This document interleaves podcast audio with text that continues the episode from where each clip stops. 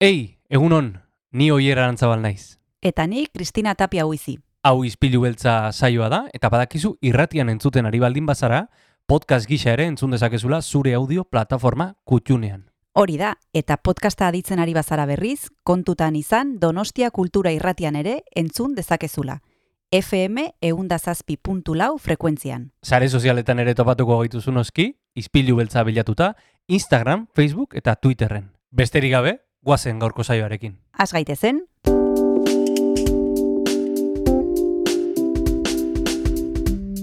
Ispilu beltza. Donostiako kulturaren berri, Oyer Arantzabal eta Kristina Tapia buizirekin. Egun honen entzulea zelena da eta bigarren kafea berotu berri dugu hemen izpilu beltzean Donostia kultura irratian. Bueno, bigarrena, hirugarrena, ez dakit Kristina zurea zenbagarrena den, ba, ni... Lehenbizikoa. ni- Bai, lehenbizikoa bainik. bai, Horainik Bueno, oso bueno. goiz da, oso goiz da, oier. ni, Bueno, ez dakit Ni- zu, zu ze ordutan esnatzen zaren, igual baserritarrekin batera goizeko Bai. bostetan edo. Ba, ohitura, ohitura hori hartu despazerritaren gatik, eh? E, Beste arrazoi batzuen gatik, baina, baina goiz esnatzen naiz. Eta, eta bueno, e, ala ere, e, bentaja bat dauka, eh? eta oso esnatuta natorla hori. Andoni gaina bezala esaten dute, e, e, finala, finala zuen aldiro oso oso goiz esnatzen Hori da, hori da, e, goizeko saiora fuerte iristeko. hori da. Tira, guk gure saioa daukagu gaur hemen, eta gauza desinte. Eta oso fuerte hasiko gara gu ere, bai, badekizu astelentan Mikel Iturria hurbiltzen zaigula izpilu beltzara, berak e, asteko agenda errepasatzen du, emango dizkigu aste hontako klabe guziak, eta gainera izango dugu gurekin maite larburu. Badekizue egunotan gure ahotsak ekimena daukagula Victoria Eugenia Antzokian, eta justo berari tokatuko zaio martxoaren seian kontzertua ematea, Victoria Eugenia Antzokiko klub aretoan izango da, eta guk maite larbururekin izan dugu elkarrizketa oso ederra. Azken aldi honetan antzerkian dago, ondamendia lanarekin, baina, bueno, musika ere hor dago, eta kontzertua disfrutatzeko aukera ederra dugu esan bezala martxoaren seian. Bai, e, maite buru esan dezagun mm, musika, euskal musikaren ahots pot, potentenetariko bat Hmm. dela, ez? E, e, musika barrokotik datorren Hmm. e, musikari bat, baina mm, bakarkako ibilbidean, ba, ba bueno, e, beste musika mota bat landu duena, eta ondamendia, eh? E, nolako antzezlana, Kris, gomendatu zenidan, oraindik ez dut ikusi, eta... Pues berandu Etek- zabiltza. Esan izun, nabil, esan, badakit. esan izun joateko, eta, eta oso ederra da, eta denei gomendatzen diet. Al badute, Bai. aukera baldin badute, gainera herri guztietan daude, segur Bai. nago bere e, nor, norberaren herriaren ondoan hariko direla antzeslana aurkezten, eta oso gomendagarria da bai. Bueno, e, espero dut mm, amaitu baino lehen ikustuko aukera izatea, oraindik geratzen direlako ale batzuk, e, saio batzuk. Bueno, esan dakoa, gaur Maite Larburu, Mikel Iturria eta gauza gehiago adibidez, Asier Errastiren musika. Hori da, guatzen gaurko izpilu beltzarekin.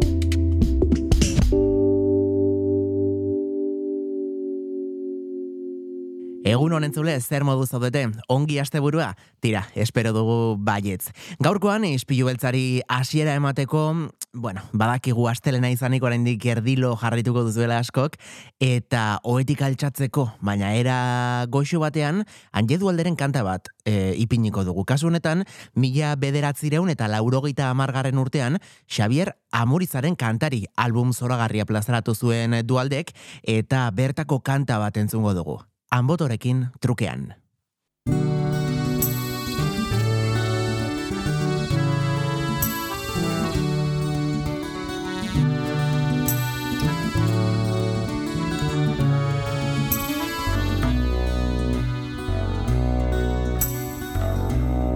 Tximistak ziztaz, goiz eta arrats, haizean orantz, lainoa garantz, baditut mila, mine edo grina, laureun gozo, seireun garratz, laureun gozo, seireun garratz.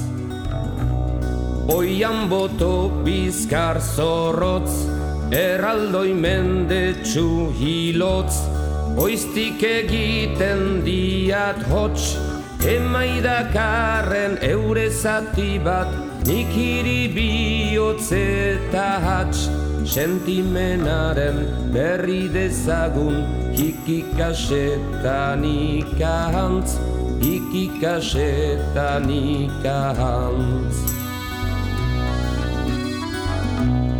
Gutxinenkien sentimenduen zamak noraino zauritzen duen. Eskerrak noizbait anbotorekin trukea egin bainuen trukea egin bainuen.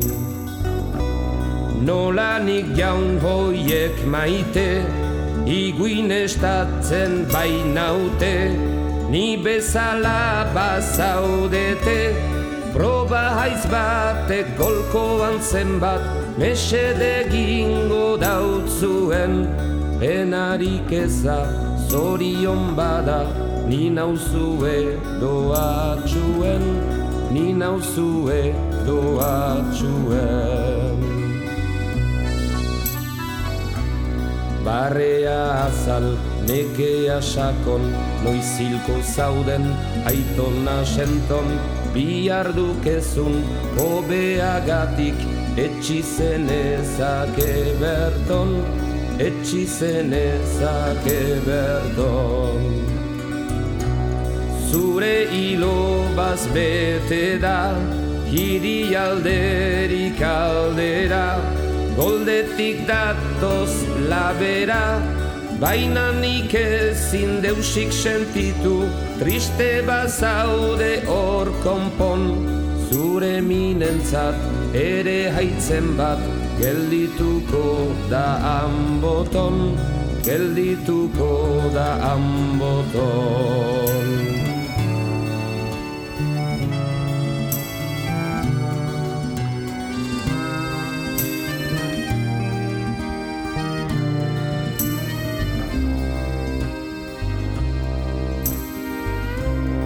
Larruz jantzirik ez beste deusik Ninduen amak sortu biluzik.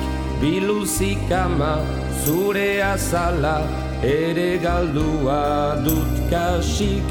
Ere galdua dut kasik. Zaztatu naute noiz non nahi Ozoina sartu ere bai Baina niri zer ni lasai Haitza golkoan ninteke joan Urka bera ere pozik. Ez bai minik hartzen ikasi Biotzetik pasa ezik Biotzetik pasa ezik. Bi haur jostari neska mutiko Bat zutik eta bat kokoriko Perutxok pizpiz, maritxok zozbiz Errekatxoa polito, errekatxoa polito. Baina ni ezin makurtu, naita ere ezin samurtu Zer izaki naiz bihurtu, ikaitze zalduk deusenti behar, ez da ere aurrekiko. Hago anboton zeren behar nauk minekin batera ito, minekin batera ito. Biot zaurikor, sarritan mehar, nola ibiliaiz, anboton zehar, irekin ezin, mindukan bizi, higabe berriz hil behar, higabe berriz hil behar. Penak eta zori gaitzak, ezkutuan gorde hitzak, Kolpa nahi baduk saietxak Baina begi hoi, biki hoi Ez otoi eragin negar Nik maite dudan, inork ez dezan Ire minetan minikar Ire minetan minikar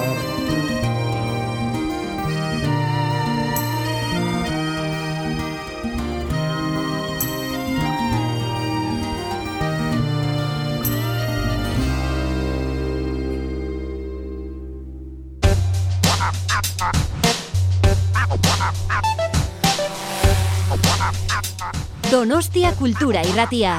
Zabaldu gurekin Donostialdeko kulturaren leioa.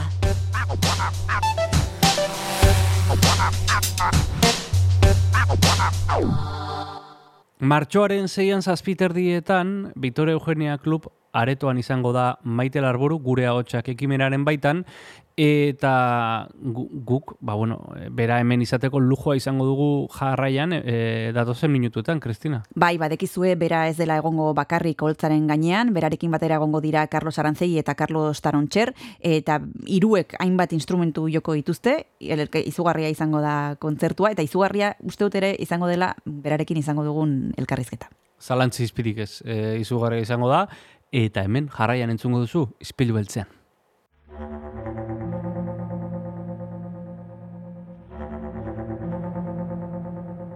No,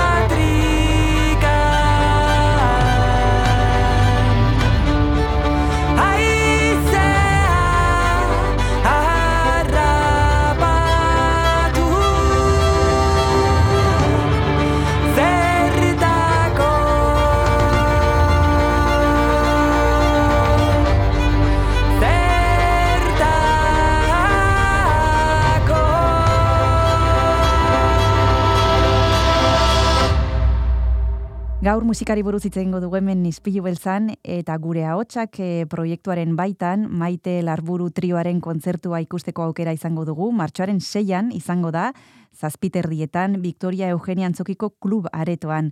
Guk musikaria Donostia Kultura Irratira gonbidatu dugu. Egunon Maite zer modu zaude? Ondo, eta zuek, ondo? Oso ondo, zurekin hitz egiteko gogoarekin, jakin nahi dugulako asteko zer prestatu duzu e, kontzerturako? Ba, kontzerturako prestaturikoa, ba, orokorrean krak eh, diskoa eh, kaleratu zenetik zuzenekoetan egiten aritu garen programa da, ez da?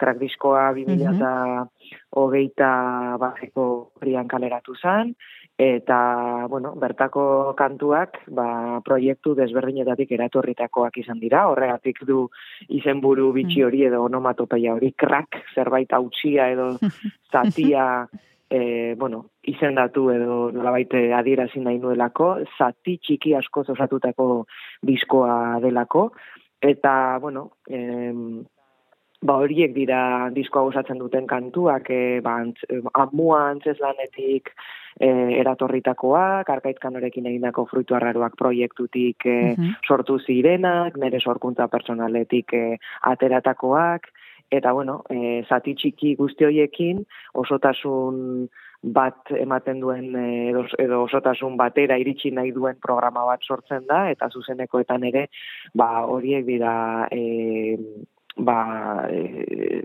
e, eskaintzen ditugunak, ez? E, bai, hori litzateke. Mhm. Gero hitz egingo dugu pixka bat krak e, diskoaren inguruan, baino nahiko nuke jakin pixka bat zure iritzia, badekigu eta hasieran aipatu dugu martxoaren sortziaren arira gure ahotsak ekimena e, antolatzen dutela, Victoria Joiatik pasako dira hainbat e, artista, emakumeak denak, eta ezakit horrelakoak e, beharrezkoak diren maite zure iritziz. Bai, bueno, horrelakoak eta guztiak e, be, dira beharrezkoak. E, e, iruditzen Hmm. zait, e, bueno, e, emakumezkoak edo gizonezkoek edo bietatik edaten ez dutenek, hau da, ez bata ez bestea beraien burua ez dut, konsideratzen ez dutenek, artistek denok dugula beharra, e, bueno, ba, gure lana erakutsi izateko, e, bueno, ba, laguntza txiki baten beharrean gaudela, ez? E, batez ere, ba, erakunde publikoek, uste dut, ba, erakus leio ba, zabaldu beharko luketela, eta eta mm, honetan lan egiten dugun guztiok, produzitzen ditugun edo sortzen ditugun e, sorkuntza edo artelan desberdinak erakusteko aukera izan beharko genukela, ez? Kasu honetan, e, bueno, ederra da, martxoaren sortziaren inguruan, emakume hoi eskaini za- zaigu e, laguntza hori edo bueno e, errealizatzeko aukera hori eta bueno ederra da eta horrelako gehiago egon daitezela. Em, horrelako gauzak geroz eta gehiago antolatzen dituzte eta gaia maigainean ja dago e, esan genezake inoiz baino gehiago presenteago dago e, berdintasuna, feminismoa. Zuk ikusten duzu aldaketarik hasi zinenetik ona e, ba, aurrera pausuak ematen ari gara, ze sentsazio daukazu? Bai, bueno, e, beti aldakuntzan egon den e, zerbait da, beste edo zer bezala, bai orain e, nolabaiteko ikusgarritasun ikeragarria lortu duen gai bat dala, e, emakumea edo feminismoa edo dena delakoa, eta orain ba, etengabe aipatzen den zerbait da. E, bai, mm, gustatzen zait edo edo edo gustatzen zait sinestea, ba aurrera pausoak emateko bide bat dala, e, ni hasi nintzenetik bueno, aldaketak izan dira, bai, asko, baina oraindik asko dago egiteko, zenbait esparrutan ni musika klasikoaren mundutik nator, hori da nere Mm.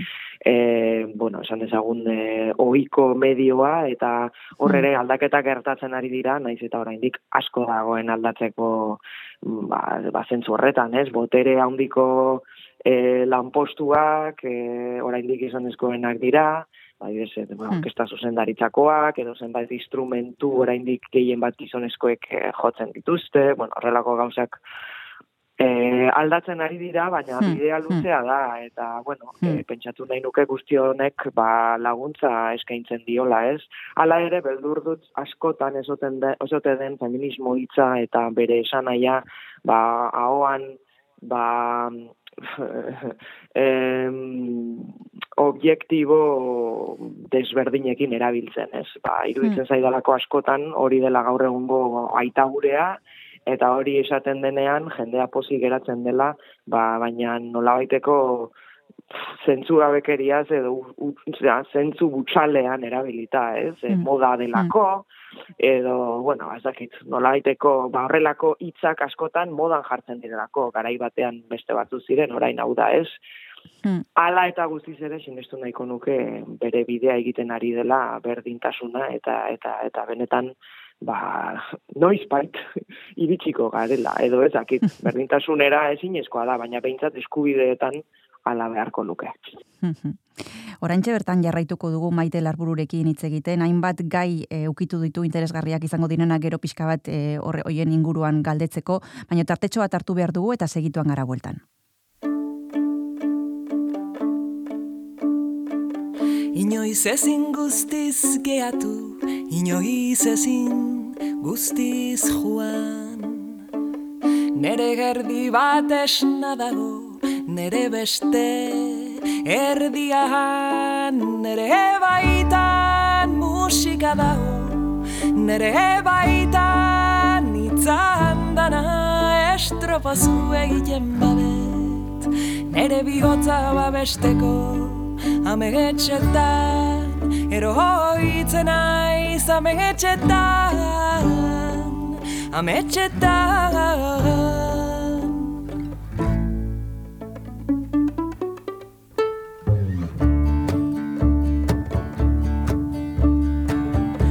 Muxukatzen baldin banazu goiko Espainia detlota Amestutako muxu erdiak osatu du abestia.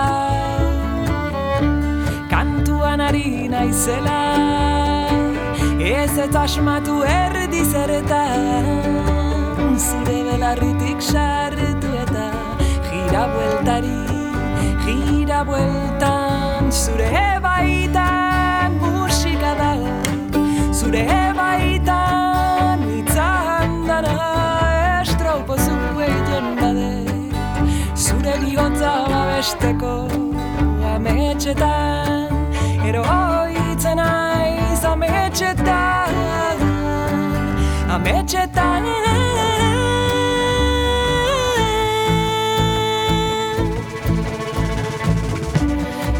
Txori batek esan dit Pasako zaitela Pasatzen dan bitartian Zirte dozart, zirte dozart, zirte dozart Zirte dozart Nere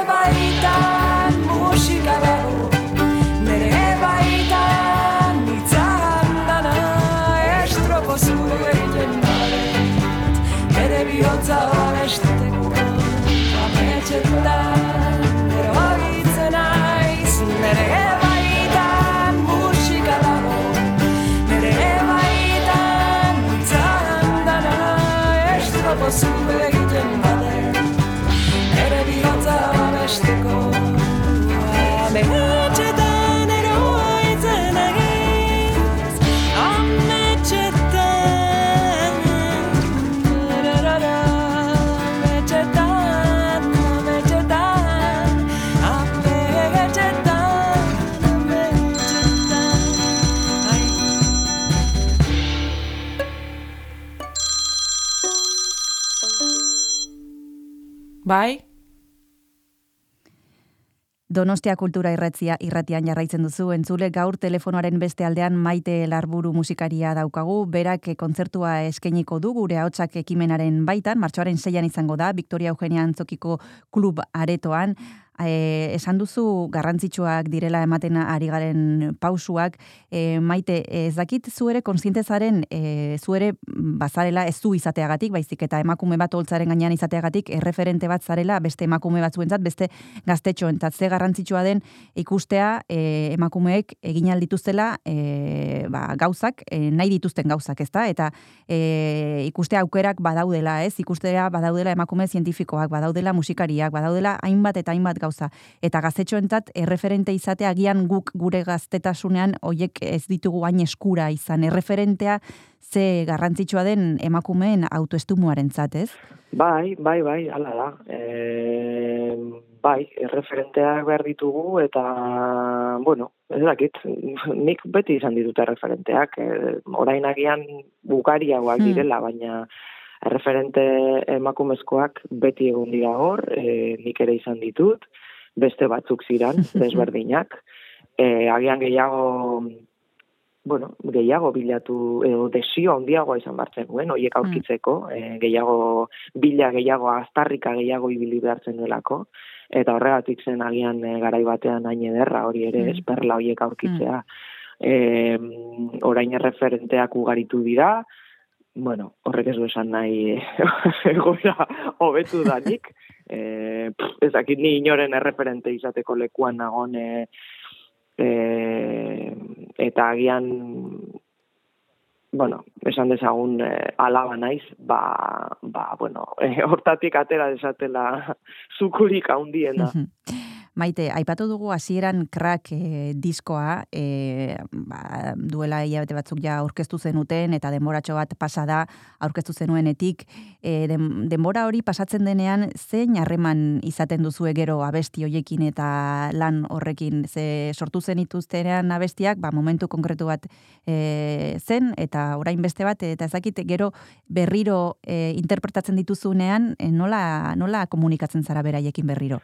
Ba, niretzat ederra da eh, harreman hori, ez? E, bueno, momentu hontan, e, momentu hontan zitzeiko izut, orain nagoen lekutik, e, bada denboratxo bat kantoiek ez ditugula e, kontzertuan eman, beste, boni beste proiektu batean oso oso murgilduta nago, eta Mhm. denborarik ez dut izan e, zuzenekoak egiteko, Mhm. gure bateria jotzailea Carlos Arazegi estatu batuetan egon da denbora luz, ez Mm. beraz ez gara elkartu eta kontzertu hau izango da ba, ba agian lehengo udaratik elkartzen garen urrengo, urrengo momentua, ez? Mhm. Eta badakite ederra izango dela, ze, bueno, orain beste musika batzuk jotzen aditu gara danok ere, guirurok, desberdinak, beste jende batekin, eta berriro kanto hauetara bueltatzea polita izango da. E, Gauzak e, pixkat uzten direnean, ba, beren kabuz azten dira, ba, baratzako e, fruituak bezala, ez? Mhm. Eta orduan e, berriro hartzen dituzunean eskuetan, beste usain bat, edo usaina are sarkorragoa egiten zaizu, zaporea, are aberatsagoa, eta momentu honetan behintzat badakit ederra izango dela berriz kantu horiek e, Mm. ba, behatzetan, ahoan, e, eta nere musikariki den begietan ikustea, ez da? Hmm. Bai, izan ere, Maite Larburu trio, e, da e, zuen proiektuaren izena Victoria Eugenia entzukiko klubean ikusteko aukera izango duguna, Bueno, eta aipatu behar ditugu trio, trio hori nor diren, ez? Carlos Arantzegi aipatu duzu, eta Bai. bestea zein da? Bai, bestea Carlos Tarontxer da, baina izen Bai. hori ez dakit nork eman zion, proiektu nik ez nion izen hori eman. Ah, pues, Maite Larburu trio, be, venga, en, ba, pixkat, ez dakit, en, en, bueno, ez daukagu izenik, eh, pf, egia esan eh, Maite Larburu da proiektua, eta Carlos eta Carlos, noiz baitola modu modu barregarrian Maite Larburuan de Charlies deitu nio, de Carlos dauden erekin, Maite Larburu trio oso, oso eh, Donostia kulturako ez webgunean, don Maite. Larburu trio jartzen du orduan, hemen entzuten daudenei, arduradunei, Donostia kulturako webguneako deatzen dutenei, adi egon, trio e, norbaitek asmatu du. Bai, bueno, trio gara, baina niretzat eh, bi hauek eh, trio baino eskozaz gehiago dira. Agian Hmm, pean hmm. jarri beharko genuke. Hmm. Eh, Carlos, bi Carlos dauden erekin, Carlos Bai. Arantegi bateria jotzailea, bateria jotzailea ere txiki geratzen zaio, ze, bueno, Bai. bera, perkusion, perkusionista da, eta bateria jotzeko duen modua oso oso zabala da eta asko gustatzen zait horregatik bere bere Mhm. musikagintza eta bestea Carlos Mhm. Tarontxer, ba klarinete baju jotzailea da, berak Bai. ere bueno, e, bera musika garaikidean espezializatutako e, musikaria da eta klarinete baxua jotzeko duen era ba, oso bitxia da, ez duelako instrumento e, ortodoxo moduan erabiltzen baizik eta modu oso zabalean, sortzen dituen soinuak eta timbreak eta dinamikak oso bereziak dira eta bueno, egia esan trio baina ez dakit eh, ez dakit mm, eh, instrumento talde indefinitua dela esango nuke sortzen dituzten hauek biek sortzen dituzten kolore paleta zabal-zabal horrengatik ez. Oraintxe jarraituko dugu eh, Carlos Tarontxer eta Carlos Arantzegiren inguruan hitz egiten, baita maite larbururen inguruan hitz egiten, bigarren tartetxo bat hartu behar dugu eta segituan itzuliko gara.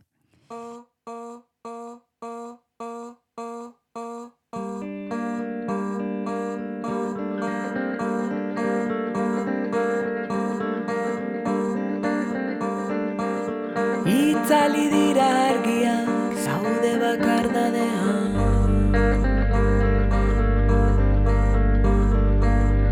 Utsaren iparrorratzean ezkerrala eskuin igarri zain Urrarredun ezpaga Ei ez aldezu zama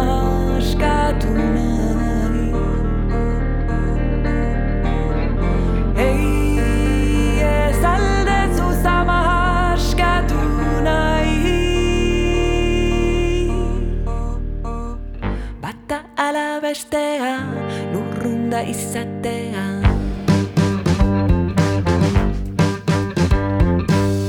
Bata ala bestea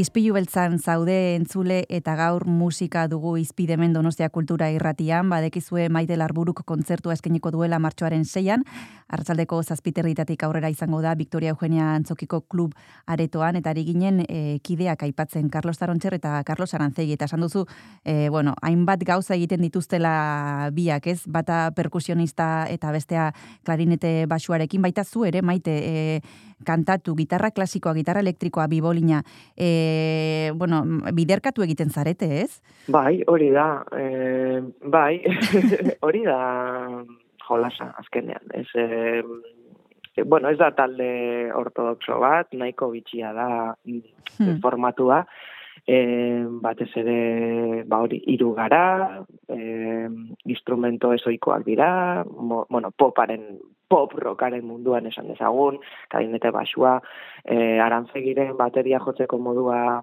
ba hori, bateria batera ematen du, baina perkusio set bat izan zitekeen, ez? Eta, Hmm.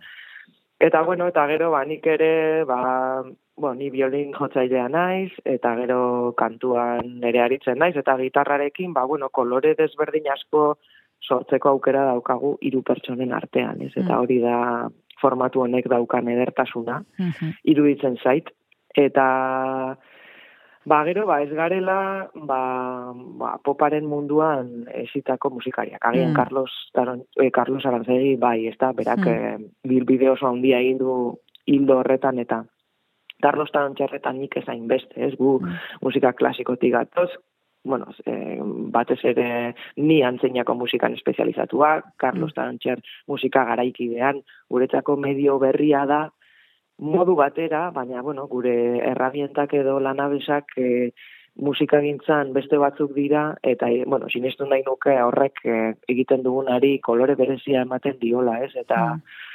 bueno, hori azpimarratuko nuke gure musikagintzaren inguruan. Mhm. Esan dezu maite, hasieran e, hilabete asko pasaitu zuela elkarrekin egon gabe, izan ere zu beste proiektu batean zaude topera, eta nik uste dut e, Euskal Herri ia herri guziak ez badituzu e, zapaldu azken hilabeteotan gutxi faltako zaizula ze ondamendia, ondamendiarekin e, zabiltzate ba, jira egiten e, antzeslanarekin eta horrere ikusten zaitu guantzesten e, pixka bat musika jotzen, pixka bat kantatzen e, nolako esperientzia izaten ari da? Ba, oso esperientzia ederra izaten ari da. Ederra esaten dudanean ez dut esan nahi, eh, ba hori, e, puxikak, e, koloretakoak egan ateratzen dira laserurantz eta dena oso polita zentzu horretan. Ederra benetakoa e, zentzuan, ez benetakoaren zentzuan. E, Ba, bueno, batetik, ba, zaldibarren gertatutako ondamendia islatzen duen modu batera, modu fiktizioan islatzen duen proiektua da hau, eta oraintxe bete Bai. dira ia hiru urte hori gertatu zela, ba, bueno, esango nuke proiektu honen benetakotasuna agian ba, gertatu zen ondamendi hori zabaltzean datzala, ez? Eta ba, Euskal eh, herritarrek eh, ba, beraien herrian eh, bueno, bizi izan dugun guzti on, oni honekin katarsi bat egiteko aukera izan dezaten, ez dezagun ahantzi gertatu zen guzti hori, ez, e, zaldibarreko ondamendia pandemiaren hasierarekin ba, nolabait lurperatuta geratu zen, eta zertxobait ahantzita, ez da, eta bueno, hori da proiektu honen e, ba, gordintasunetik datorren edertasuna, ez. Gero bestalde, bueno, teknikoki eta pertsonalki, ba, bueno, artista bezala, ba, bueno, niretzat oso gogorra izaten ari dan proiektua da, edo izan da, ez batez ere prestakuntza, e, bueno, pf, ba, musikaria naizelako, hori delako nire medioa, eta bapatean antzerki gintzan murgildu naiz pixkatik nore antziatik eh, abiatuta esan dezagun, eta, bueno, ba, ez da nire medioa, beraz, asko ikasten ari naiz, baina baita ere, ba, bueno, gogorra egiten zait, Eta musikagintzatik, ba, ba, benetan gozagarria da. Hmm. Beste aldiz eh, zure kantuak eta zure musika eh, ba, joa izatea Euskal Herriko txoko guztietan, bueno, ba, tabla pila bat ematen dizkit, eta hori oso oso ederra da. Eta gero lantaldea benetan bikaina da, Mm. oso jende desberdina, oso, oso, oso desberdina garan jendea gaude elkarrekin lanean, eta eta batzuetan txokeak egon arren, ba, bueno, humanoki jende zoragarria da, Mhm. eta asko ikasten ari naiz beraien gandik, Mhm. eta, bueno, esperientzia gordina edertasunean esango nuke. Mhm. Hemen izan genuen Simon Fuchs ondamendiaren inguruan e, hitz egiteko gonbidatu genuen eta gomendatzen dizuet elkarrizketa errekuperatzea ze oso ederra izan zen eta maite baita ere e, galdetu nahi nizun publikoaren erantzunari buruz e, aipatu duzu e, bueno, hainbat e, gaia jorratzen direla bertan zaldibarren gertatu zen gero pandemia etorri zen horrek dena estali zuen eta nik uste dut antzezlana ikusten duzunean sentitzen zarela pixka bat e, lotxatuta momentu batzuetan, ez? E, ikusita hain, e, zuk esan dezuna, hain gordin, e, zer, zer egin genuen, zer ez genuen egin, ez? E, publikoak zer esaten dizue bukatzen denean e, zuen lana? Ba, em, nik egia esan, ba, lana bukatzen denean momentu horretan jendearekin ez dut gehiegi hitz egiten. Ze iruditzen zait Hmm. em, behar duela, bueno, nik ikusten dut jendea amaitzen dugunean oso unkituta. Unkituta. Mogituta, begi asko ikusten ditut dirdir, jendea ikusten du negarrez, gainera, antzeslanen amaieran, e, ikuslegoarekin elkartzen gara, ez bada, e, e, e, antz- Bai, antz- antzerkiaren sarreran, eta orduan oso gertutik ikusten Bai. dut jendea. Itzegin ez dut asko hitz egiten, ikusten dut jendea unkituta, orduan badakit mogituta daudela, eta bueno, ez, ez da gutxiagorako, ikutzen ditugun gaiak oso gogorrak dira, eta gainera antzeslan honetan eta Simunek eh, ba, hori, horre, Simun horren bila abiatu zen, bada gaindosi bat, ez? Informazio Mm. pila badago, gauza Mm. asko gertatzen dira, badira pantailak, badira zuzeneko bideoak, bada musika, bada dantza, bada antzerkia, baino antzerki Antzerki hau gertatzen da mikroeszenaz, mikroeszena, beraz eszenak Mm. oso motak dira, oso azkar pasatzen da gauz batetik bestera orduan, ikuslean orabait txorabio batean murgiltzen da, orain dela Mm. gutxi bizi izan dugun e, gertaera oso gogor batekin dala. Zaldibarreko ondamendia gehi pandemia. Eta Mm. orduan nik uste jendea, ba hori, lotxatuta, e, naskatuta, unkituta, e, arrituta, eta nolabait, bizi izan dugun hori zean azkarra astu dugun ikusita, ba horrela ateratzen dala antzokitik, ez? Eta normala Mm. da, ze, Luisi bat gertatu zen zaldibarren, eta antzeslan hau Luisi bat da. Luisi bat jaur, e, e, jaurti, bueno, erortzen dana gu guztion gainean, zaborrez, gertakariz, musikaz, dantzaz, irudiz, soinuz, argiz, hotzez. Orduan, Mhm. em, ba, guzti hori jasota gero, uste dut jendeak behar duela etxera joan, edo trago bat hartu, pentsatu, e, reflexionatu, eta, bueno, e, azkenean hori da gure egitekoa da jendea, unkitzea, eta Hmm. eta hori usten dut lortzen dugula, eta ez dakit zein zure galdera, eta ez dakit erantzun dudan, baina Bai, publikoaren erantzuna zeina izaten hori da, ari zen. Hori da, hori da jendearen erantzuna. Hori da. Eta- da, bai. Hmm. Eta hemen e, gomendatu dugu Simon Futxekin izan genuen elkarrizketa eta gomendatzen dugu e, ondamendia ere, ze antzeslan ederra da, e, ederra eta beste adjetibo pila bat jar genezake, baina e, Bai. maitez, errepikatzeko moduan zaude, esperientzia gustatu zaizu, holtzaren gainean egotean modu honetan, e, aktore bezala? Ba, ba, esango nuke, bueno, niretzat hildo berri bat dala, Mhm. eta resistentziak baditu dala alde batetik horrekiko, ze, bueno, nigan ere gauza asko mogitzen dira e, hortzeudela ez nekienak. Orduan, e, uste dut goiz dela erantzun bat emateko orain nago zurrunbiloan sartuta Hmm. eta gauza asko deskubritzen ari naiz nire baitan, ezagutzen ez nituenak, Hmm. eta ez dakiz egertatuko den etorkizunean, ez dut aterik itxiko, uste dut ate bat zabaldu, zirrikitu bat zabaldu da, eta argia sartzen ari da hortik, beldurra ematen Hmm. dit, ez, modu batera, baina ez dut aterik itxiko, e, lagun asko egiten ari naiz, e, jende zoragarria zagutu dut, ez dakit, ez dakit, e, pixka bat, e, e, nire ibilbidea horrela joan da, e, osto bat naiz, eta izeak putz egiten duen horretan ho- horri usten diot nire burua eramaten edo saiatzen naiz, saiatzen naiz batzutan iskinei eta e, euskarriei eusten baino alperrikako lana da, beraz aizeak erabaki bezala.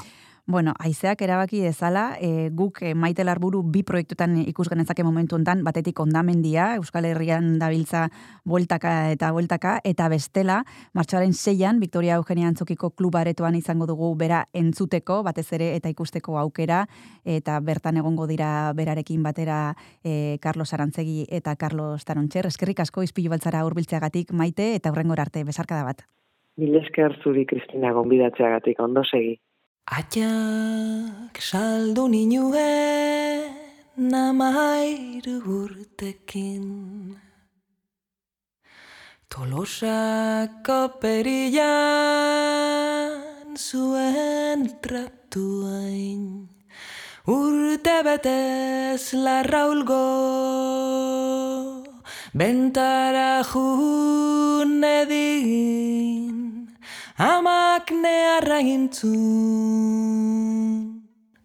Hileko ikestin Atxai bosta jola Xoxa jasuadet Ni isilik nebilen Zua jua zaintzen Aspaldi gertatu zan Baino etzaitazten Amak nearra intzun Hileko ikesten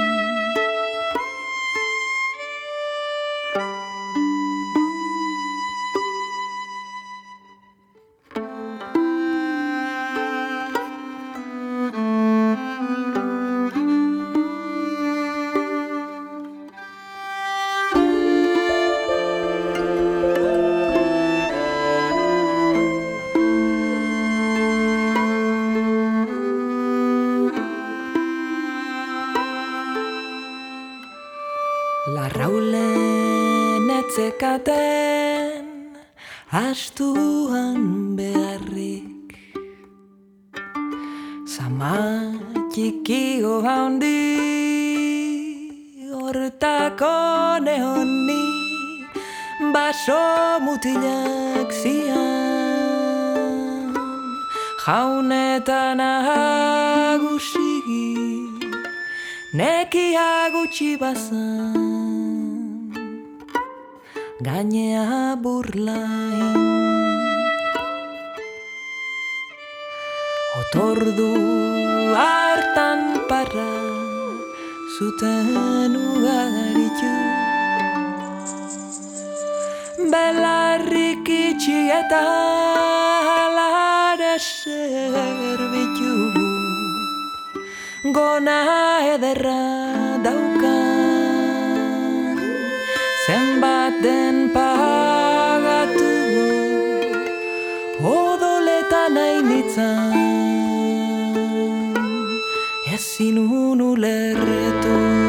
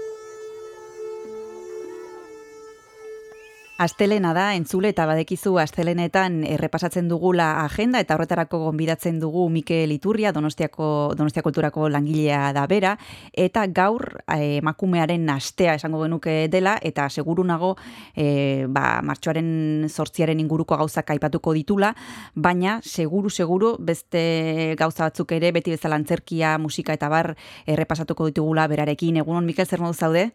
Oso ondo, ongi. Zu ere bai.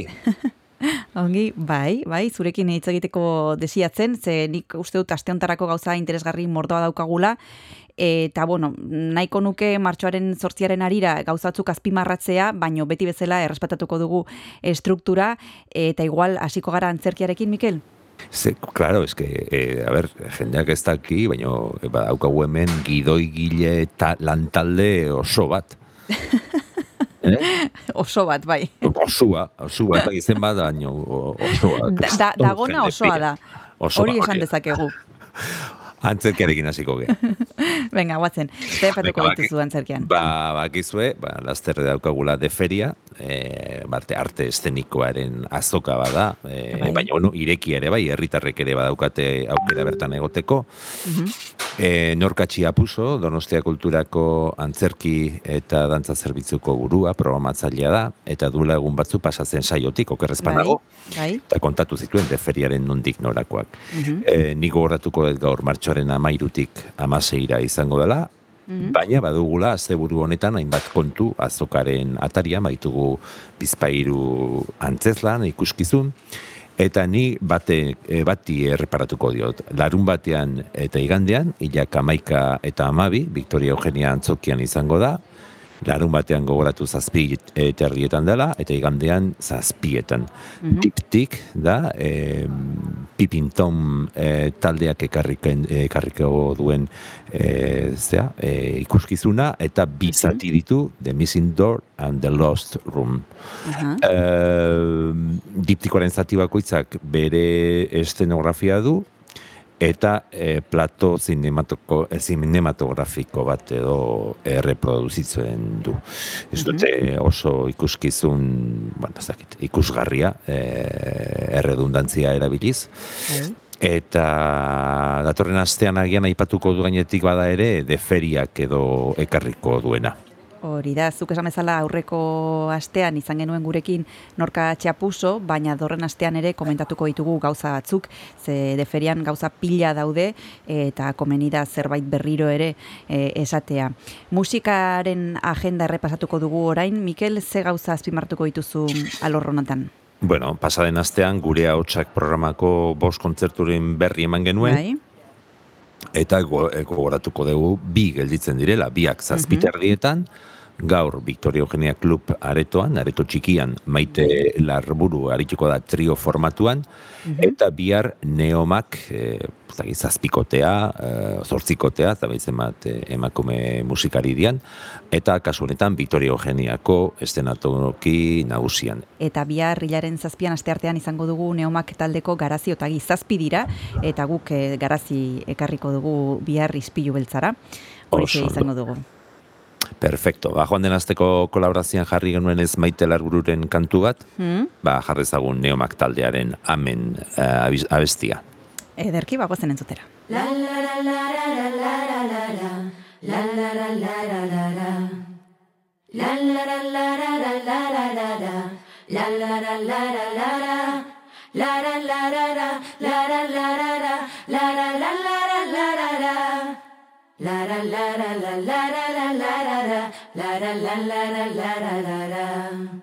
Soinu joleak plazara datoz, oiu ez lagunduta.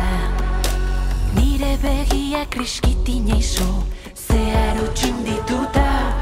Musika ozen gizonek txalo, ama etxean sartuta.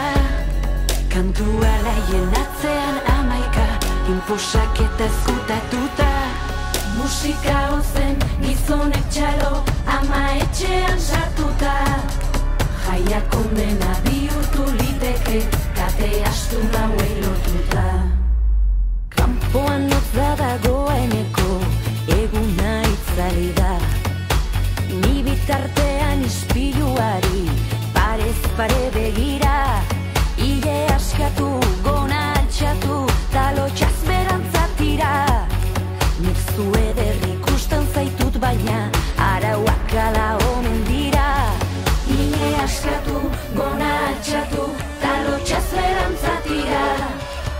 Pekaturik handiena ote da, norberarekiko desia. Pekatu entzamak zenbat irauten dudamuaren bidean. Konfesatuko naiz pekatuz pekatu iritzi bakoitzean. Pekatu entzamak zenbat irauten dudamuaren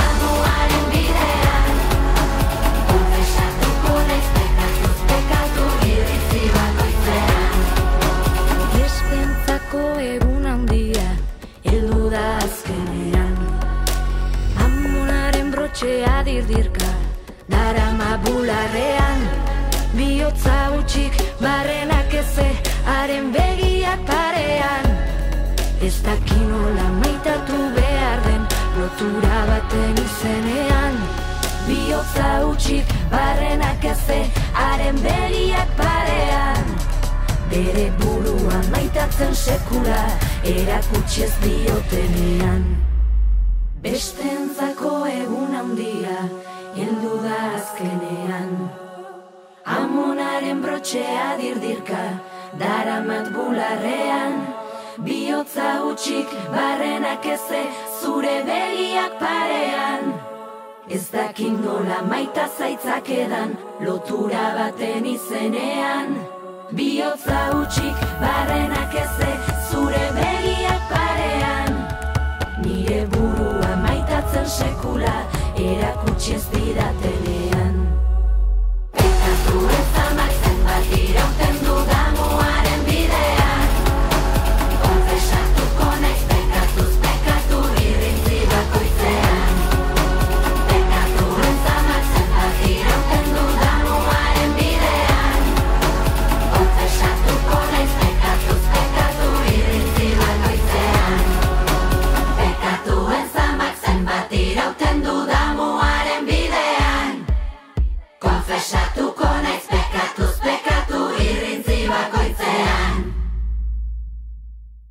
Ostea kultura irratian jarraitzen duzu, Neomak taldearen amen abestia entzun ondoren, Mikel Iturria daukagu gaur telefonoaren beste aldean agenda errepasatzeko, eta jarraituko dugu musika agendarekin. Mikel, ze gauza gehiago ditugu? Ba, guazen, e, jazaldiaren, e, o, jazaldirako tokiko taldeak hautatzeko prozesua bukatzen ari da, baina oraindik gelditzen dira pare bat kontzertu martxoan zehar, ez? Lehenengo haustegunen izango dugu, jaren behatzean, tabakaleran dagoen Kutsa Kulturkluban, Motelas taldea, eskarmentu handiko donostiako estenan aritutako hainbat musikari eta dabiltzanak e, laukote moduan, Alberto Bo, Txenan Kalbo, Inigo Elena eta Adrian Binaz dira, bat adibidez e, lau behi eta horrelako taldeetan, osea, eskarmentua badaukan jendea. Ostiralean, hilakamar, zazpiterdietan emanaldi badaukagu Lugariz Kulturetxean, kasu honetan Esti Markezek, bakarkako lehen disko aurkeztuko du, autoikozpena da, iaz e, kaleratu zana, hitzekin jolasean. Musika guztia berak sortua da, letra gehienak ere bai, eta pop rock toinuak dira nagusiki laukote formatuan arituko da, Esti Marquez, Iker Lauroba gitarra, Bai. Ana Herriaino basularia, Josu Erbiti bateria, eta gonbidatuak ba ez diren aita Mikel Marquez abeslaria eta duela gutxi ba lugaritzen bertan e, aritu zen Sara Azurza. Mhm. Mikel, esan behar dugu, kontzertu bezperan, ostegunean emitituko dugula hemen, esti markezi egin diogun elkarrizketa, eta bertan hitz egin du, zuk esan bezala, hitzekin jolasean lanari buruz, bere lehenbiziko lana bakarrik, ze orain arte aitarekin bilitakoa da, eta bueno, kontatuko digu zenolako esperientzia izan den bakarka aritzea. Ba, oso ondo entzungo dugu elkarrizketa eta goratuko dugu beste kontzertu bat amaitzeko larun batean, hilak amaika, metal entzako beste Mm. itzordu bat, hau ere larratxo kulturetxean, zazpiterritatik aurrera, amaik, amabigarren, barkatu, Euskal Metal Fest, Brimstorm, Delion, Evil Hunter eta Guadaina taldeekin. Power metal gau bortitza, gogorra, em, Alemaniatik dator Brimstorm taldea, Delion gazteiztarrak dira, e, Evil Hunter ez ere ezagutzen, baina ez dute eremu honetan mugitzen direnak baiazko ez ustetako bat izan dela, eta e, guadaina azkenik Andaluziatik dator, kadizekoak dira, eta hamar urte baino gehiago dara matzate e, eszenare tokietan. Bo, azken boradan esan beharko da, metalzaleak ez direla asko kexatuko, baina, bueno, e, okerrezpanago, pasaden astean antolatzaileetako bat elkarrizketatu zenuen hemen bertan.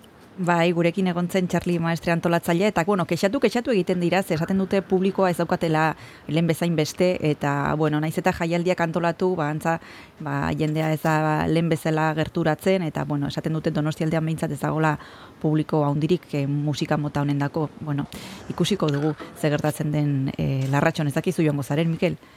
Ez, naiz joango aurrekoan e, e, zeak esan zidan, e, oierrek e, irrati antenan esan zuen, ia e, jeibia izan noten nintzen, ba ez, naiz e, metalzalea izan, baina bueno, metalzaleak ere baukate bere txokoa eta aukera daukate e, ba, bueno, ba, musika hau ikusteko zuzenean, eta bueno, pues, ia ber, Hori da. ze, zer ematen duen honek. Hori da, izan bezala lerratxon izango dira kontzertu hoiek, eta orain antzerkia eta musika errepasatu ondoren, egingo dugu e, tartetxo txiki bat, eta jarraian itzuliko gara Mikel Iturriarekin.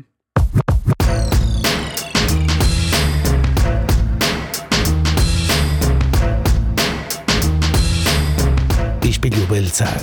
Donostiako kultur paisaiaren isla da Donostia Kultura Irratian eta zure audio plataforman Spotify, Apple Podcast, Google Podcast eta irratia.donostiakultura.eus webgunean.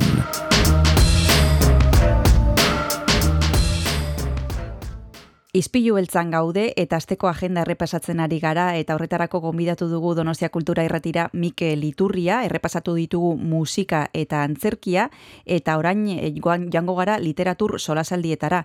Mikel, literaturaren arloan ze gauza azpimarratuko dituzu? Bueno, pues astean zehar lau literatur solasaldi izango ditugu, gaur lehenengoa, astelena hilak sei, okendo kulturetxean seietan, miren gorrotxategiren hogeita mairu eskil liburuari buruz eritiko dira solasean Ana Maiozen gitarizapean, Geroxiago zazpietan Amara Berriko ikasbide kulturelkartean e, Irati Jimenezen ogia eta zirkua liburuaz, beste literatur solasaldi euskaraz, edu zabala da gidari eta ikasbide kulturetxeak antolatutako emanaldia da.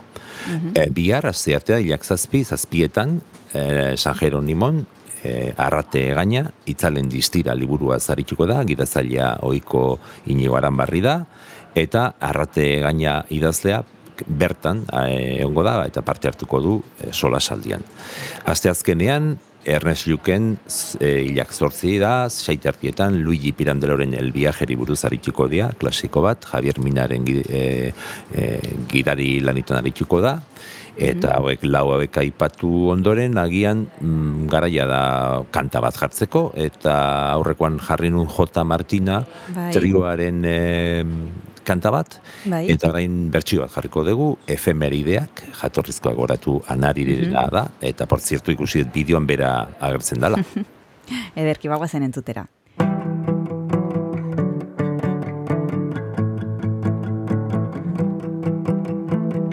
Parean eseri zaidan eska horrek ez dakit Berak daraman jertxea erantzin iola beste bati.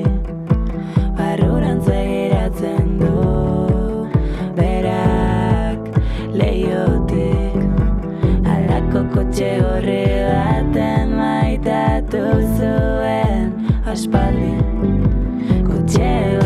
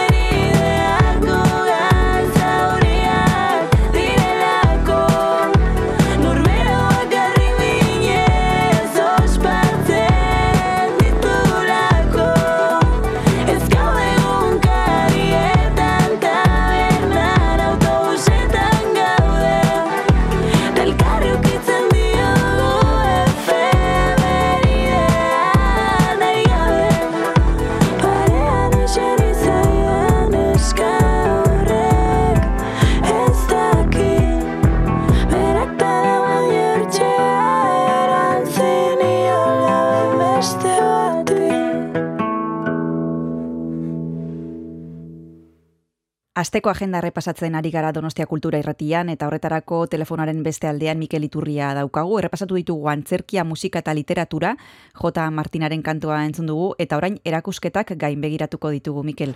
Bai, bi erakusketa aipatuko ditut aste honetan bakarrik, bat aste honetan amaituko dena, eta bestea astean zehar zabalduko dena. Martxoren amaikan itxiko ditu ateak Ernest Luken Pablo Casaresen norte erakusketak, Casares poeta gisa ezagutzen nuenik, ba, plakete gile gisa, bere lagun Rafael Berriok eh, esanten zuen bezala, edo esango zuen bezala, Uga Bego, Rafael Berrio, eh, Ernest Luken daudenak eh, paisaiak dira, pinturak, eta, bueno, goratu, astelenetik larun batera bizitatu daiteke, goiz eta arratsaldez.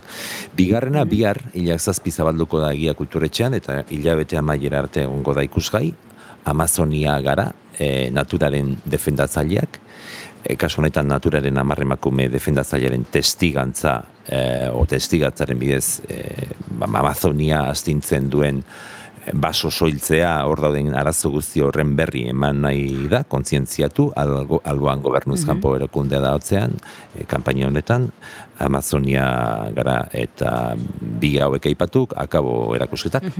Ederki, ba, guazen hasieran aipatu ditugun martxoaren zortziko ospakizun eta aldarrikapenen arira, Donostia Kulturak hainbat ekitaldi antolatu ditu, edo lagundu digu, eta horietako batzuk aipatuko ditugu, ez da, Mikel?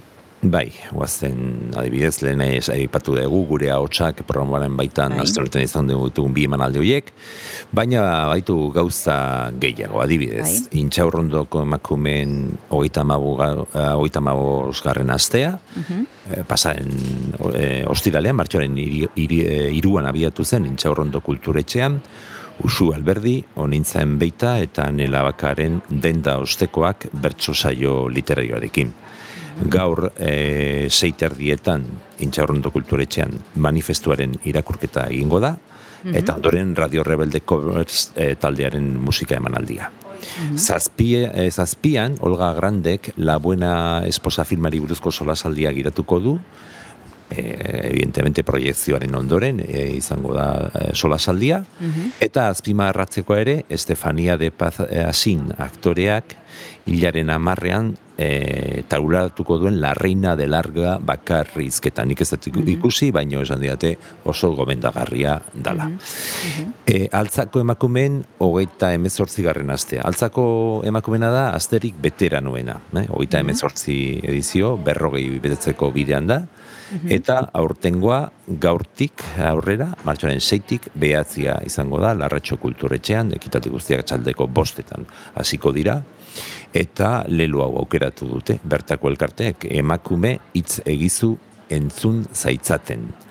E, gaur e, pelikula bat, Isabel Koixeten La Libreria filma proiektatuko da, Bai. bihar e, Txaro Arteaga e, kazetari eta feminista ezaguna egongo da, Los sueños perdidos de las mujeres hitzaldea emango du, zortzian hausaktak antzerki taldeak Las Barbaras e, taularatuko du, eta behatzian Virginia Imaz Klaunak pronoia.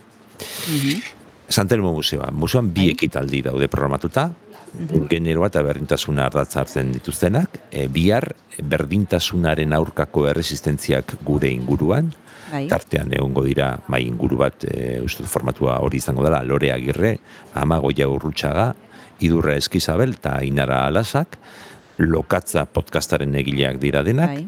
eta emakumei buruzko gaiak jorratzen dituzte bertan, ez? Eta, bueno, ba, Euskal Herrian ba aldago, erresistentzia antifeminista, ba, resistentzia antifeministarik egongo den edo ez, behaiek esango digote.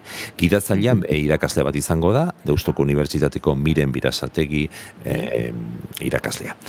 E, beste bat hilaren behatzean, ikusten ez denari, kasu honetan da bertso emanaldi berezi bat, miren artetxe Bai. eta oiana arana bertsolariekin, hainbat gai jartzaile egongo dira, eta e, saioa Euskal Herriko Unibertsitateko gorputza, egiletasuna eta genero Euskal Kultur Sorkuntzan ikerketa proiektuaren barruan kokatzen da, hor serie bat egiten ari dira, hainbat ziklo bat, e, Santelmon, eta hau ere hor txertatzen da. Aipatu behar dugu gainera antropologia jardunaldiak ere baditugula astean zehar Santelmo Museoan Mikelez.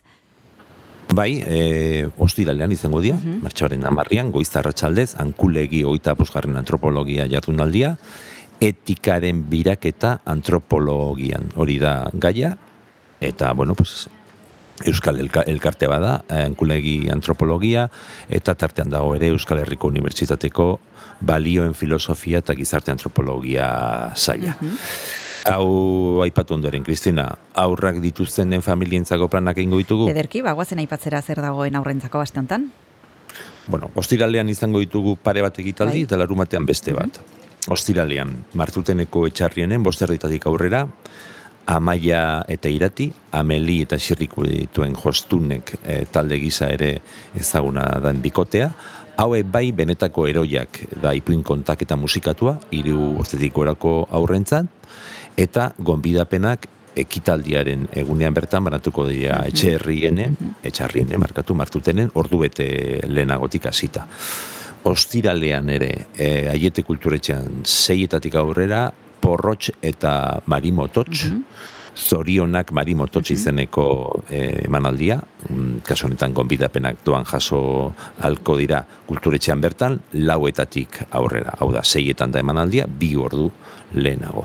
Eta maitzeko, Ernest Luken larumatean bostetan, Totoro basoa, magia azterketa bat, bost urtetik gorako aurrentzako ikuskizuna, kasu honetan gonbidapenak gaurtik aurrera banatuko dira kultur etxean bertan. Eta hauxe gaur kontatzeko nuena, Kristina. Ederki, ba amaitu aurretik, eh, beti egiten dugun bezala, gogoratu behar dugu beste behin komenea dela gertutik jarraitzea Donostia Kulturaren sare sozialak, batez ere abildua Donostia Kultura kontua Twitterren eta webgunea donostiakultura.eus azken orduko aldaketen berri izateko. Amaitu dugu beraz asteko agendaren errepasoa, baina gaur agun agur esan aurretik beti bezala abesti bat aurke, aukeratu behar duzu, Mikel. Bai, ba, ipatu dugu lehen, Esti Marquez egongo dela Lugares Kulturetxea martxoaren Bai. amarrian, gi, e, diskoak eratu zuen iaz, eta hortik ba, jarri mesedez, e, errasti jauna, banan-bana abestia. Ederki, ba, kantu honekin, Esti Marquezen kantu honekin, agur esango diogu Mikeli datorren aster arte, eskerrik asko eta bezarkada bat. Berdin, ondo segi. Agur.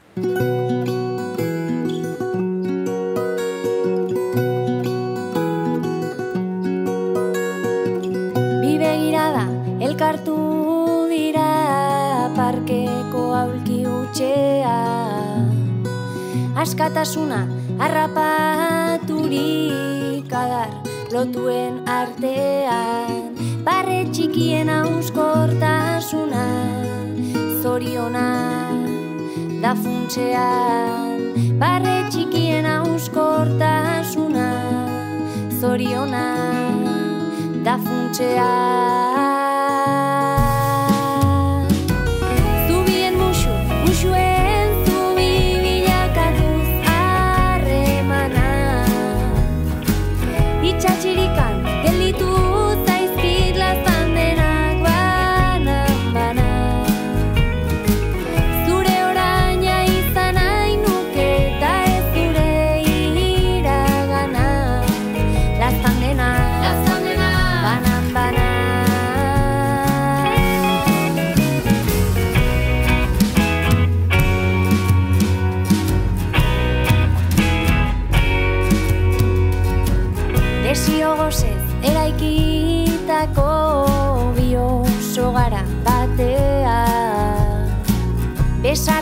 Besarkatu taskana zazu gauer dia iristea Segi dezagun elkar maitatzen sekretuak isilean. Segi dezagun elkar maitatzen sekretuak isilean. Zubien musu, musuen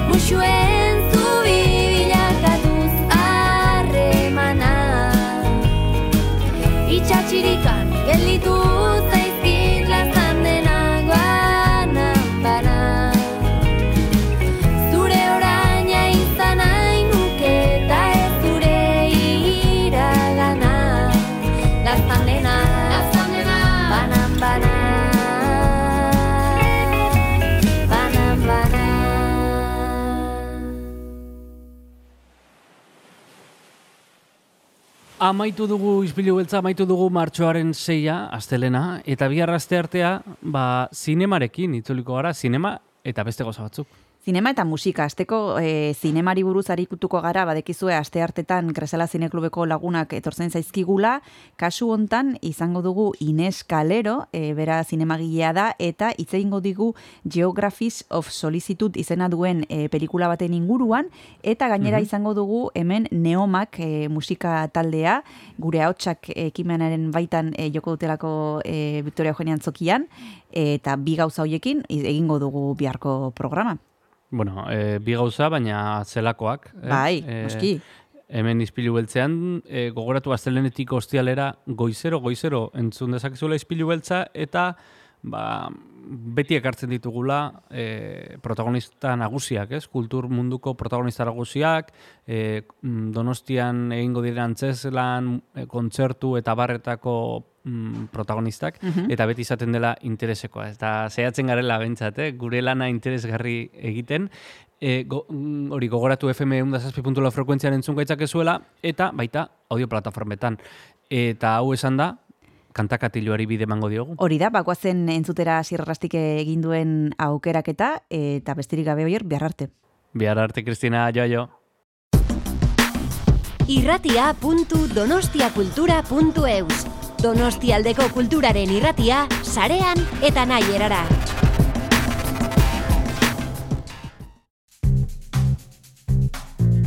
Kanta katilua. Egun honentzule kantakatilua atalean badakizue datozen minutuak musikari eskeniko dizkiogula.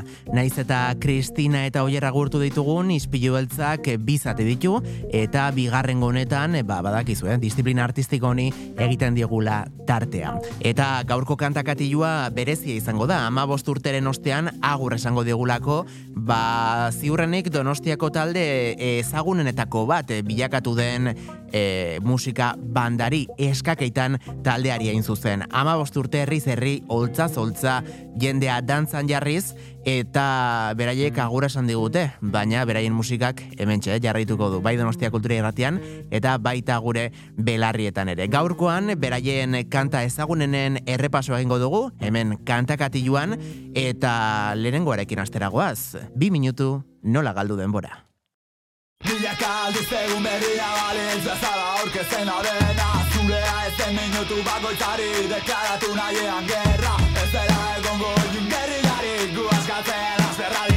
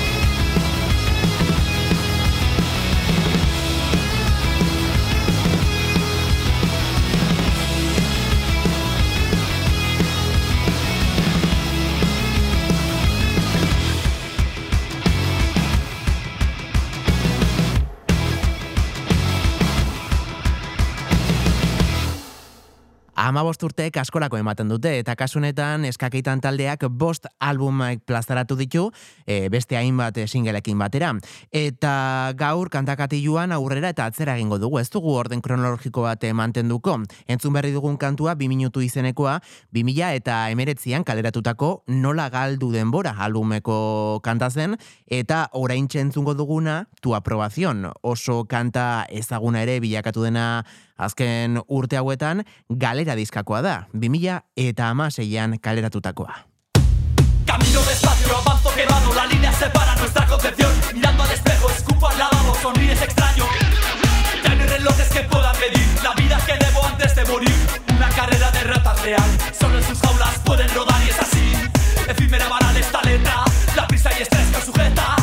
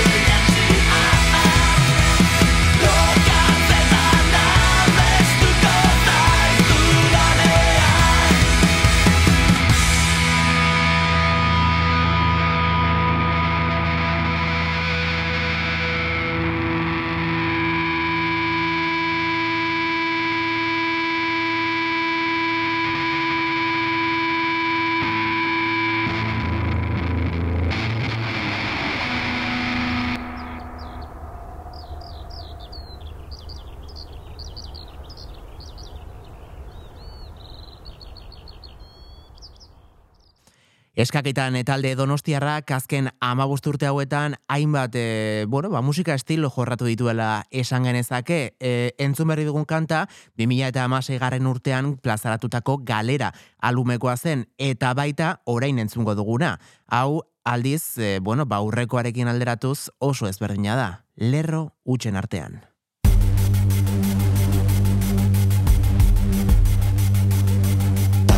Tierras en el mundo, tantos mares por nacer, tanto viento en mi cabeza, tantas cosas por hacer, tantos locos en un loco, cuantas malas por vencer, tanto tiempo sin saber, la que algún día va a caer, tanta gente sin saber, la que algún día va a caer, tanta gente sin saber, la que algún día va a caer.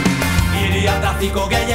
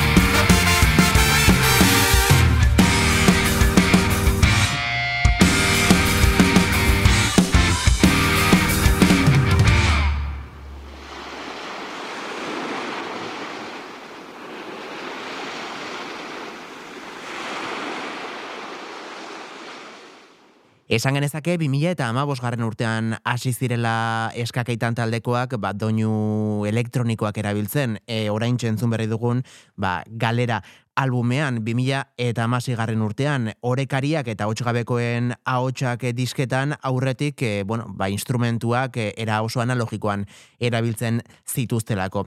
Eta e, bueno, ba, doinu elektroniko horiek pixkanaka pixkanaka urteak e, aurrera joan geroz eta presentzia handiago hartu zuten. Egia da jarraian entzungo dugun kantua ez dela bereziki horren adibide. Espainetan odola delako, bueno, ba, entzungo dugun kantua. Hala ere, fijatu zaitezte, eh? kantuaren erdi amaiera aldera nola hartzen duen eh, protagonismoa olatze Salvadorrek eh, bere teklatu edo sintetizagailuarekin bertan ere eh, nabaritzen direlako, eh? doinu elektronikoak.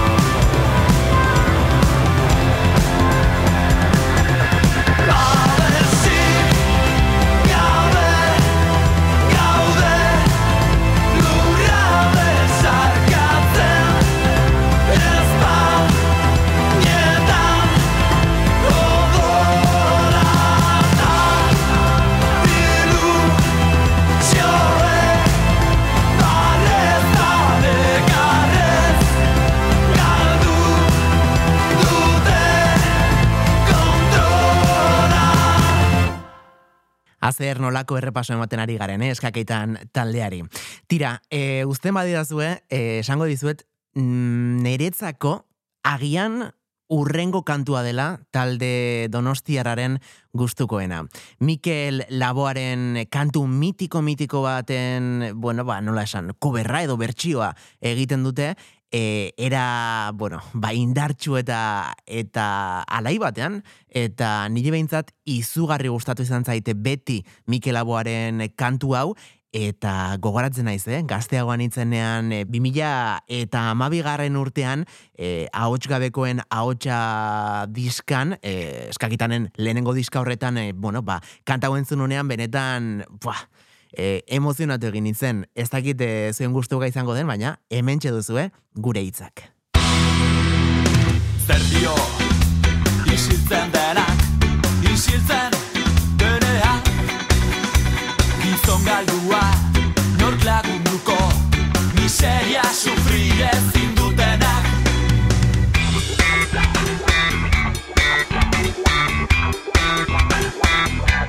Baga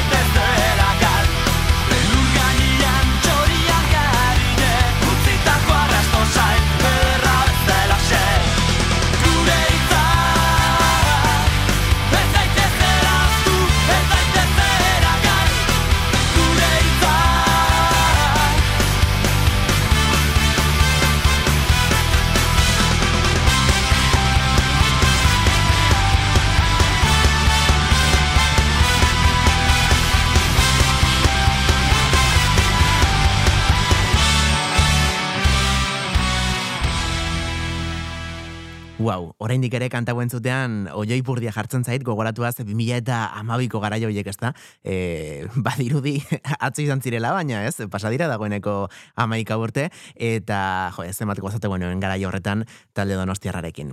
Tira, orain, e, 2000 eta amabitik, 2000 eta amalaura egingo dugu salto. Orekariak e, albuma izan zen e, talde donostiarraren bigarren albuma, eta kasunetan e, bertako Orezko landak kantuan zuteragoaz.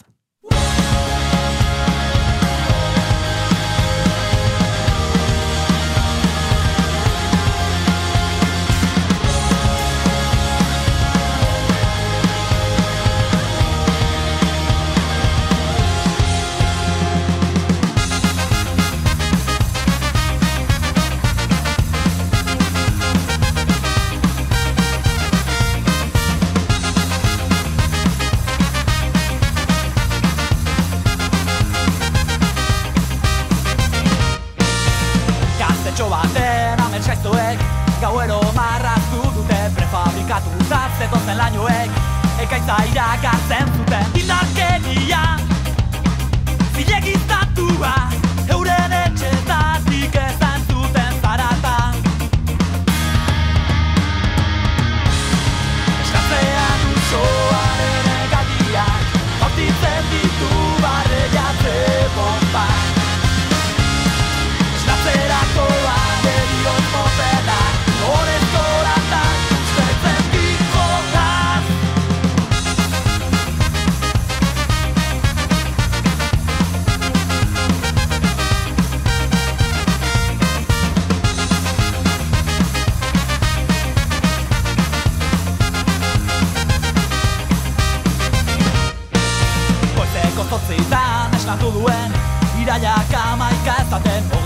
zortzi urte Banatzen dituzten, kolpe gelikatu dute Propaganda.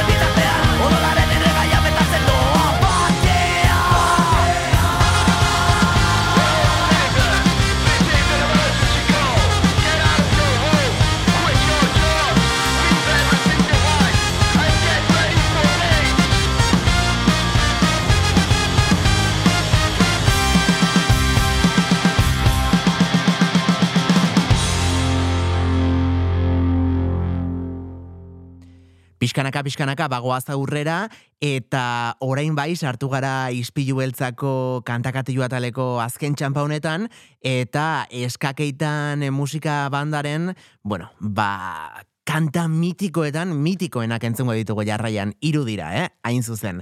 E, orain entzungo duguna, e, ziurrenik eskakitan noiz baita entzuma duzu, ba, ba bueno, aski e, ezaguna egingo zaizula, orekariak e, diskan jarraitzen dugu 2008 garren urtean, eta hau da, iraganeko.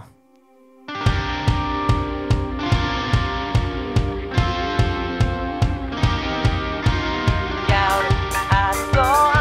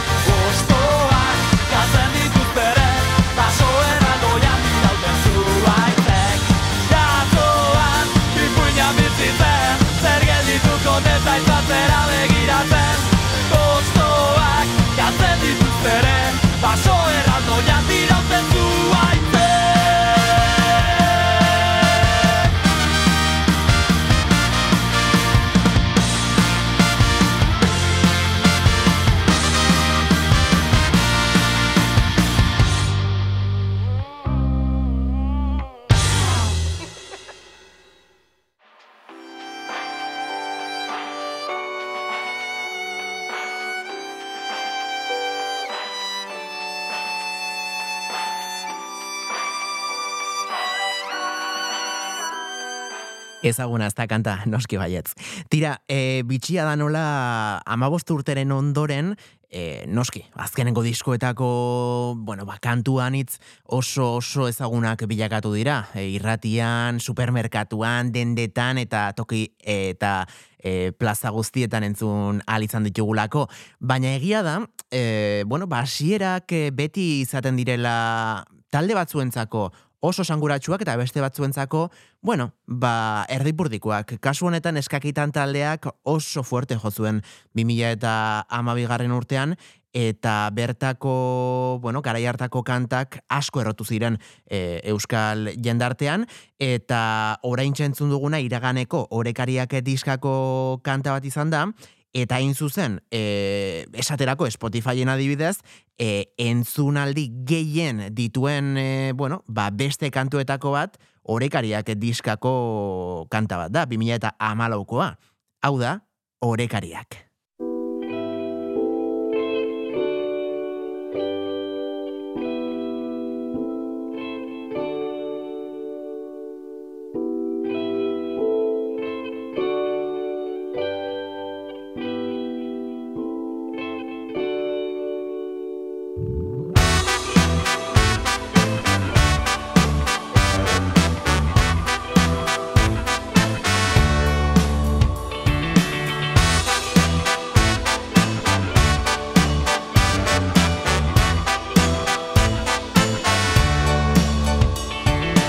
Itxasoak erantzunak balitu bezala Isilune kurratu dizute azala Aizeak edo nora eraman ditzala.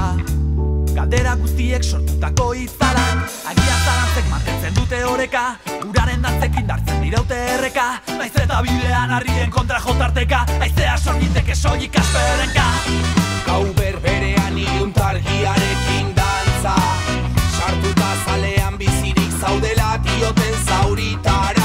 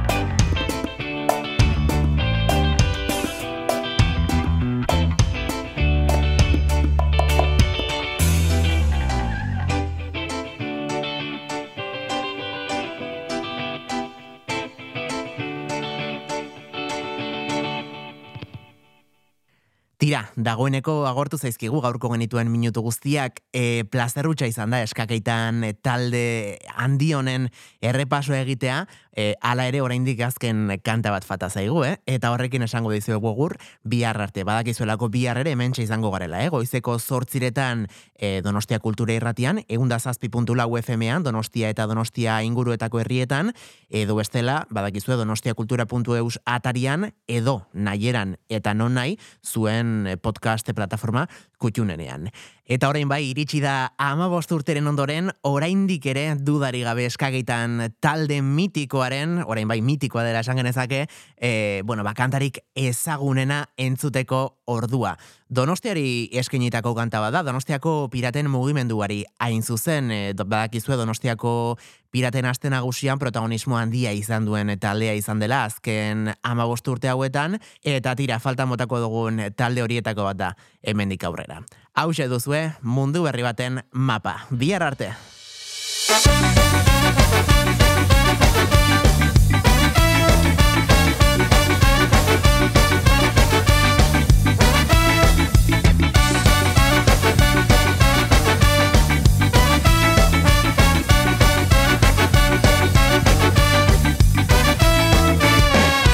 Delainozko egun bat ez atera ginen portutik Nasta mila kolore dun bandera jarrita zutik. Ematek eta arroke jarraitu arren gertutik Donostia bordatzen aritu gara ordutik. Izan gaitezen biurri, izan gaitezen bira Eta partxe bat begian jarri segun sentia ikanta. Bela zabalduta eta auzolan ari tiraka. Bihotzean dara magu mundu berri baten mapa.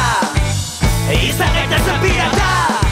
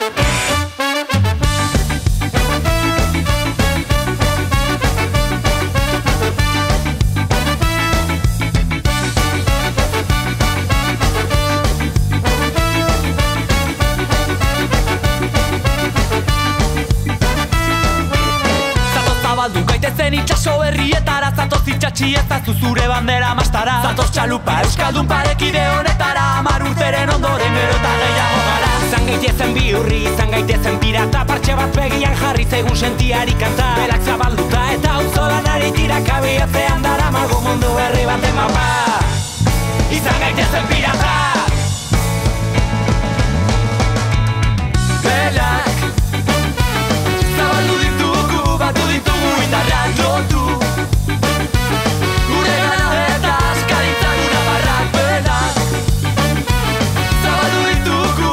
batu ditugu indarrak lotu Gure